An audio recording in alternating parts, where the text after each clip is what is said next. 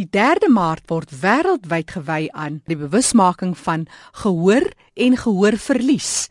Ons hoor van 'n wêreldleier ten opsigte van die hulp aan die persoon self wat gehoorverlies ervaar en al die gehoordeskundiges.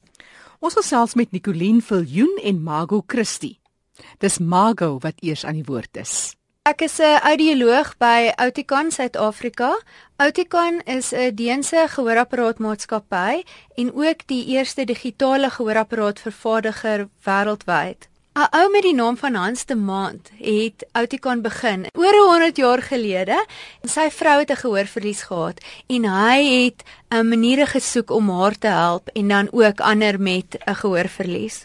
Ons kyk spesifiek vandag na rolspelers wat ondersteuning aan mense met gehoorverlies in Suid-Afrika bied.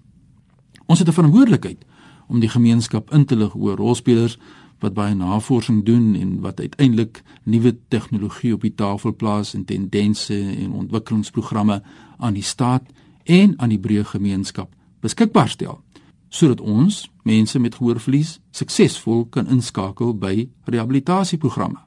Sonder hierdie rolspelers is dit bloot eenvoudig nie moontlik nie. Kom ons praat oor gehoorverlies. Wat is die voorkoms in Suid-Afrika? Dit word beraam dat daar so 1 uit 10 persone wel 'n gehoorverlies het en wat wel sal baat vind by gehoorapparate. Maar ongelukkig is die realiteit dat daar net 1 uit 4 persone uh is wat wel iets aan hulle gehoorverlies doen en wel gehoorapparate dra. Maar Gehoorapparate verbeter regtig kommunikasie en lei tot hegter familiebande en daarmee saam dan verbeterde lewenskwaliteit. Die risiko wat mens loop om nie gehoorapparate te kry nie, is dat 'n mens se brein verleer om te hoor omdat dit ontneem word van klankstimulasie. Daar is ook ongelukkige paar mites wat bestaan oor gehoorverlies en en gehoorapparate. Onder andere dat gehoorverlies slegs net vir ou mense is. ja. En ook dat eh uh, gehoorapparate groot en lelik is en baie mense dink die gehoorapparate vlieg permanent. Ja, dit is so interessant waarvan jy nou praat. Ons kyk na, jy weet, mense se persepsies. Dit is heeltemal aanvaarbaar om 'n bril te dra, maar dit binne kom by 'n gehoorapparaat het ons 'n ander storie. So as iemand wat nou al 30 jaar met hierdie situasie te doen het, kan ek regtig waar daarmee identifiseer wat jy nou sê. Maar Nicoline, waarom uh, hoor 'n mens dan so gereeld in die praktyk? Ons hoor nou die mense wat dit nie gebruik nie, maar gehoorapparate beland in die laai. Dit lê voor die bed en dit word nie gebruik nie. Wat is die situasie? Hoekom gebeur dit? Ja, dit was waar. Daar is maar aanpassingsperiode van 2 tot 3 maande by die gehoorapparaat tegnologie vir nuwe draers. Maar gelukkig saam met dit het die tegnologie nou verander. So in verlede het ons gefokus net op die oor, so ons gekyk wat kan die oor nie hoor nie en dan die klank volgens dit versterk. Maar die ore ontvang net die klank en dit gelei dan die klank na die brein toe. So 'n mens hoor eintlik met jou brein. En dit is waar jy betekenis reg aan klanke waar jy sin maak daarvan. En nou die hedendaagse tegnologie word brain hearing genoem en dit fokus dan spesifiek op die vier prosesse wat die brein volg om die klank meer te natuurlik te laat klink vir die ouens met gehoorapparate en dat hulle ook dan vinniger by die gehoorapparate aanpas. Ek wil net na Margo toe gaan. Margo, vertel ons bietjie meer, hoe hoor 'n mens met jou brein? Daar is basies vier stappe wat die brein volg om sin te maak van klank. En ek gaan dit net gou verduidelik aan die hand van 'n kersete. So eerstens, ehm um, gebruik ons beide ore om om onsself in ons omgewing te oriënteer sodat ons weet waarvandaan die verskillende klanke kom. So ons kan dus hoor uh waarvandaan die verskillende mense wat om die tafel sit gesels. Tweedens, onderskei ons relevante klanke van geraas. Ons kan byvoorbeeld onderskei tussen radio wat aan is, die gesprek wat om die tafel gevoer word, verskillende stemme en dan die waier uh, wat aan is. Derdens, kies die brein waarop dit fokus. So dis uh wat tipies die die gesprek sal wees rondom die tafel. En dan uh laastens vind klankherkenning plaas waar die brein sin maak van dit wat gesê word. Dis waar verstaan plaasvind en in die geheue gestoor word. 'n nuwe rekenaarchip wat ontwikkel is wat toelaat dat ons outomatiese funksies in die gehoorapparate kan inbou wat elkeen van hierdie vier breinprosesse ondersteun. Wat wonderlik is, die sukses van gehoorapparaatpassings het van 79% gegroei toe die ou tegnologie gebruik is tot nou 96% satisfaksie waar die nuwe breinhearing tegnologie gebruik word. Ja, mense brein is 'n wonderlike ding. Ek luister met die kokleaire implanting, jy weet en ek kan duidelik onderskei tussen wanneer Nicoline en Margot praat. En dit is so wonderlik en nou, veral my self wat vir soveel jaar 25 jaar doof was en die tegnologie maak dit moontlik vir ons. Die deure wat dit oopmaak is ongelooflik. Is lekker om te luister wat Nicoline Viljoen en Margot Christie vir ons sê oor die uh, werklikhede. Maar uh, jare terug ek was baie selfbewus en baie baie skaam oor gehoorapparate. En hoe lyk die gehoorapparate vandag? Is mense nog skaam en selfbewus? Hoe lyk die gehoorapparate vandag, Nicoline? Ons wil dit eintlik nie eers nie gehoorapparate noem nie, want in die verlede was die gehoorapparate groot byspiesangs wat agter die ore gesit het. Maar dit is nou so gesofistikeerd en is beskikbaar in klomp verskillende style agter die oorstyle of in die oorstyle wat meer diskreet is en dan ook in verskillende tegnologie en prysklasse. En vir ouens wat meer diskrete apparate wil hê, kan hulle byvoorbeeld die apparaat in 'n velkleur of 'n haarkleur kry. En dan vir iemand meer avontuurlustig is, is daar byvoorbeeld kleure soos 'n lemmetjies groen of 'n pers, helder oranje of selfs 'n wynrooi kleur. En dan het ons ook onlangs 'n nuwe apparaatjie bekend gestel wat piep klein is en lig is op die oor en dit is die grootte van 'n boontjie. En die apparaatjie saam met al die ander style en tegnologie vlakke het dan ook die vermoë om met Bluetooth konnektiwiteit aan byvoorbeeld jou selfoon of jou landlyn of jou televisie te koppel. En die klank van hierdie toestelle word dan direk na die gehoorapparate toe gestuur wat dit dan baie duideliker maak vir die persoon met gehoorapparate om te kan hoor. En dan saam met dit het die apparate ook 'n spesiale laagie wat uh, dit waterbestand maak en dan ook beskerm teen stof en teen oorwas. Ja, ek verstom. Ek dink die tegnologie help ons by my arbeid. Dit kleur betref bly ek my by die grys apparate wat ek gebruik. Maar nietemin, Mago, as luisteraars nou wil weet, uh, wat moet hulle doen om uitkyk te wees uh, dat iemand gehoor verlies het? Want daai ontkenningsfase weet ons se mense uh, weet nie altyd jy self gehoor verlies nie of almal besef dit maar jy self erken dit nie. Wat sê jy vir ons daar? Die eerste teken van gehoorverlies is is gewoonlik ehm um, mense dink dat ander mense mompel. Hulle wil vir ander mense sê praat net duideliker, nie noodwendig harder nie. Mense met gehoorverlies sukkel ook met die TV en die radio. Hulle wil hê dit moet altyd harder gestel word as wat die res van die gesin verkies. En hulle sukkel ook um, in geraasomgewings of as daar agtergrondgeraas is. As iemand 'n gehoorverlies vermoed, kan hulle ons skakel en ons kan hulle verwys as die gehoorsorgkundige 'n uh, 'n gehoorverlies wel vind. Ehm um, sal hulle verskeie opsies gee in terme van tegnologie vlakke wat by die persoon se lewenstyl en ook by hulle finansies pas. Meeste mediese fondse het ook 'n uh, gehoorapparaatvoordele. Dit gaan oor rehabilitasie, die inskakeling van mense met gehoorverlies in die breë gemeenskap. Ek wil graag by jou hoor Nicoline. As jy een of twee denkrigtinge rondom gehoorverlies binne die breë gemeenskap sou wil verander wat baie groot verskil sal maak wat mense dink oor gehoorverlies. Ek dink die groot ding is dat die dat gehoorverlies nie gekoppel is aan ouderdom nie soos wat Margaret vroeër genoem het en dat dit met 'n diskrete opsie kan dit reggestel word. Daar is wel, soos ons gesê, die aanpassingstyd wat verloor en wat ouens net met bietjie kans gee om gewoon te raak aan die nuwe klankkwaliteit wat hulle gaan hoor. Maar daarna, as hulle eers aangepas het daarbey, maak dit regtig hulle lewenskwaliteit behoort dit te verbeter.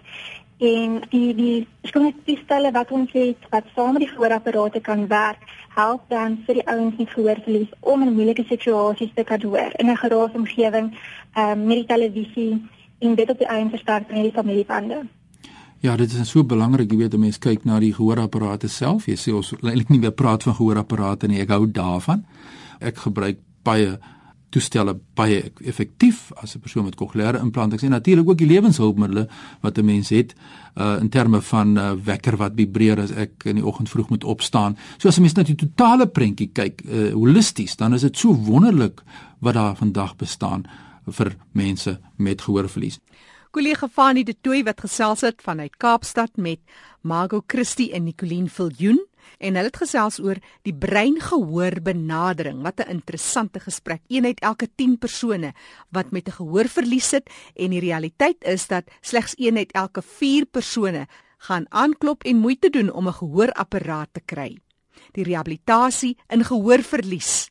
Op die 3de Maart, dis eerskomende Dinsdag, is wêreldgehoordag en dit is juis om bewustheid te kweek hoe om so vroeg as moontlik 'n probleem te identifiseer indien daar 'n mate van doofheid bestaan by 'n kind, 'n volwassene of 'n ouer persoon. Margot Christie is juis hier by my in die ateljee. Margot, as 'n mens nou kyk na Wêreldgehoordag op die 3de Maart, vertel ons meer oor hierdie inisiatief. Jackie, ek dink die ding is, ehm um, gehoorverlies is so algemeen en uh baie mense is nooit bewus daarvan nie of hulle is bang daarvoor of hulle weet nie baie daaroor nie. So ehm um, dis net om bewustheid te maak van gehoorverlies en um hoe belangrik jou gehoor eintlik is veral vir kinders in terme van spraakleer en akademies presteer en veral later dat hulle kan uh, werk kry. Mense mis dit baie as 'n kind 'n gehoorverlies het. Dit word baie gemeng met hulle dink dalk die kind het 'n leerprobleem en nie 'n gehoorverlies nie en dit lei tot verskeie probleme. Margo het nou gehoor in die gesprek met Fani dat daar tog maar 'n stigma is dat mense sê dit is maar vir ou mense wat met 'n gehoor verlies sit. Wat is die tendense? Is daar nou meer jonger kinders, meer in die middelgroep? Waar is die probleem eintlik? Dit is ook mos deel van veroudering van die persoon. Dit is wel deel van veroudering. Alhoewel dit nou wonderlik is want in die hospitale en baie van die hospitale is dit noodsaaklik dat babas 'n gehoortoets kry soos hulle gebore word en daar word nou meer en meer babas opgetel met 'n gehoorverlies of dalk ontwikkel die kind eers in die laerskool ehm, 'n um, gehoorprobleem dalk het hulle baie oorinfeksies wat later ehm, 'n um, permanente gehoorverlies word en uh, ons vind ook baie meer mense in die ouderdomsgroepe van uh, 30 en 40 wat wel wys uh met 'n gehoorverlies. So dis definitief nie net vir ou mense alhoewel dit definitief nog deel is van die ouderdomsproses.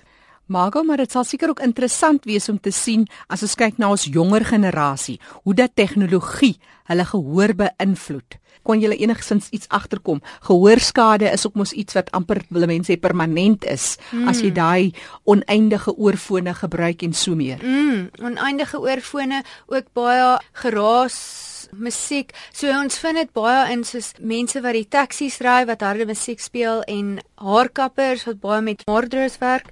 Die belangrike ding is as daar wel 'n gehoorverlies is om jou gehoor meer te stimuleer. As jy dit nie stimuleer met iets soos 'n gehoorapparaat nie, sal jou gehoor vinniger afneem. So as jy dit aanhou om te stimuleer, sal dit darm um bly tot 'n sekere mate.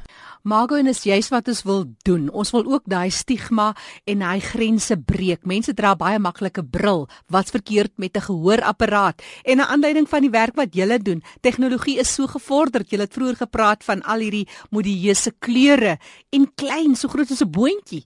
So dit kan nogal lekker. Die woord is funky wees as 'n mens net wil. Ja, ja, definitief. Ja, almal het daai nog daai idee van hierdie groot beige piesangs wat op die ore hang, maar is glad nie meer so nie. Die gehoorstukkies is baie klein deesdae en soos jy sê funky, dit kom in 'n wye reeks kleure, mooi kleure. Die belangrike ding is dit verbeter kommunikasie.